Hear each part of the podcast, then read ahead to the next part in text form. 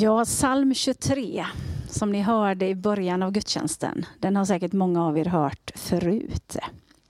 Idag när vår gudstjänst har handlat om det här med att lägga sitt liv i andras händer och att alla har en berättelse så vill jag dela några tankar omkring den här salmen. För den här salmen den rymmer hela vårt liv. I den här salmen så får hela vårt livs berättelse plats. Och den handlar faktiskt om att vi får lägga våra liv i någon annans händer. Och jag tänker också att det är verser som vi kan få bära med oss i det här nya året. Salmen börjar med ett konstaterande, eller kanske man ska kalla det för en bekännelse. Det är det här som är grunden för allt. Den berättar hur det ligger till. Herren är min herde. Och sen kommer resten, det som hör ihop med det första. Det är för att Herren är min herde som det andra kommer. Det är för att Herren är min herde som inget ska fattas mig. För han låter mig vila, han för mig till vatten, han leder mig. Han är med mig, han skyddar mig, han räddar mig, han följer mig. Även om inte vi lever med herdar och herde, perspektivet på det sättet som David gjorde, som skrev den här salmen, så vet vi i alla fall att herden, det är den som tar hand om fåren. Han ser till att de får mat och vatten, han skyddar dem mot vilda djur och det är herden som leder fåren rätt. Och i den här salmen så liknas vi vid fåren. Och den som är herden, det är Gud. Och Nya Testamentet så talar Jesus också om det här med att vara en herde och att han är den gode herden. Han säger i Johannes 10, jag är den gode herden. Den gode herden ger sitt liv för fåren. Och vad det innebär att ha Gud till sin herde, det är det som den här salmen handlar om. David han beskriver utifrån bilden av en mänsklig herde hur Gud har omsorg om oss människor. Hur han leder oss till lugn och till vila. David han skriver om käppen och staven. Käppen använde heden för att skydda mot vilda djur. Och staven använde heden för att leda, lyfta och räkna sina får. David skriver om hur heden leder på rätta vägar, hur han ger kraft. Och så står det också att han är med oss även i den mörkaste dalen. Han skriver att vi behöver inte frukta. Kanske gör vi det ändå ibland. Men i den här salmen så påminns vi om att vi behöver inte det för han är med oss. Den store herden, den gode herden. Vi är inte ensamma. Han går med oss. Herren är min herde och ger mig det jag behöver. Hos honom får jag ha mitt hem idag och för alltid. Ja, den här salmen den handlar om dig och mig. Men främst så tycker jag att den handlar om Gud. Om Guds trofasthet. Om att vi kan lita på honom. Att vi får vila i hans famn. Att vi får vara trygg.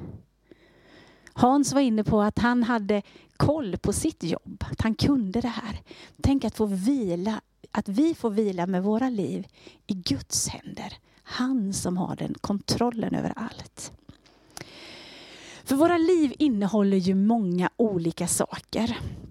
Våra livs berättelser, det rymmer så mycket. Man kan verkligen säga att vi får vara med om både det ena och det andra. Oftast så har vi liksom ingen karta.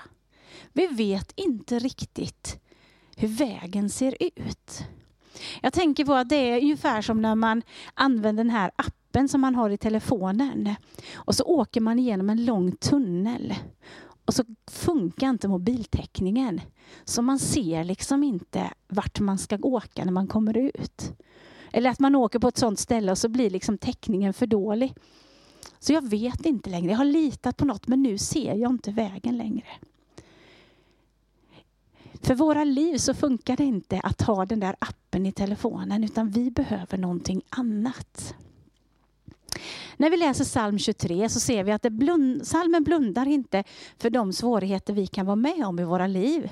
Den skriver om trötthet, om mörker, om ovänskap, om fruktan. Men den står, det står också där att Gud är med. Att han är trofast. Att han alltid är densamme. Att han ger ny kraft. Leder oss och att hans godhet och nåd följer oss alla våra dagar. Oavsett omständigheterna.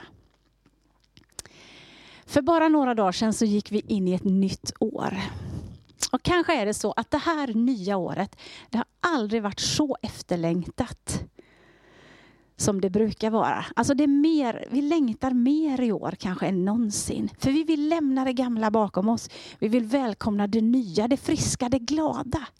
Och samtidigt som det är så efterlängtat så kan ändå känslan av längtan blandas med känslan av en viss oro hur allt ska bli. För vi vet ju inte så mycket. Vi vet att vi kommer skriva 2021, eller att vi ska skriva det. Ibland kommer vi säkert skriva fel, men så mycket mer vet vi inte. Och jag skulle idag vilja påminna dig om en sak till som vi vet inför det här nya året. Och det är att vi också detta året får lägga våra liv i Guds händer. Att han bär oss. Du behöver inte klara dig själv. Du behöver inte bära dig själv. Du behöver inte ha kontroll på allt.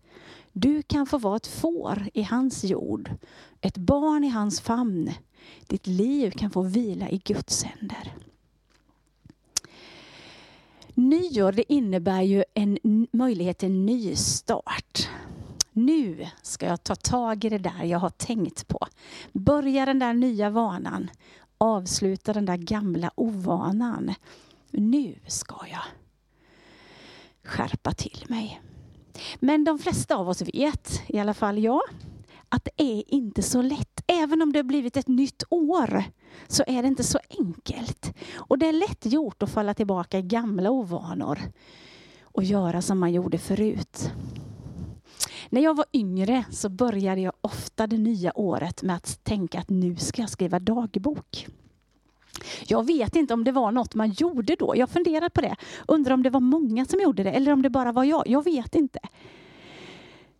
Men jag vet i alla fall att jag försökte många gånger. För jag har hittat många dagböcker. Men de flesta har ingen anteckning i februari eller framåt. Det blir inte alltid som man har tänkt sig eller bestämt sig för, även om man anstränger sig. Så det jag skulle vilja säga till dig nu på årets första gudstjänst, det ligger väldigt långt ifrån att peppa dig till att ta tag i någonting. Ja, kanske man skulle kunna säga att det är nästan tvärtom. Det jag skulle vilja uppmuntra dig, det är att låta någon annan ta tag i dig. Att låta någon annan bära dig. Att låta någon annan vara den som leder dig. Att låta Gud få vara din herde detta nya år och möta dagarna tillsammans med honom. Även om du inte begriper allt. Även om du inte ser vägen. Även om det känns både mörkt och svårt ibland. Även om du känner dig osäker och rädd och inte vet vad framtiden innebär. Du får lägga ditt liv i hans händer, han som har koll på läget. Du får göra det kanske för första gången, så kan du göra det idag. Du kan göra det på nytt igen. Herre, jag vill idag också. Jag vill detta året också ha dig som min livsherde. Du kan få låta Herren vara din herde. Han som är den gode herden. Du kan låta honom vara din trygghet, din hjälpare, din tröst och din styrka. Och in, att inte få vara du själv eller dina ägodelar, dina vänner eller något annat. Utan Gud får vara din herde. Och så får vi komma ihåg att vi får möta det här nya året tillsammans med honom. Vi får lägga våra liv i hans händer och låta vår berättelse koppla an till Guds, till honom och han.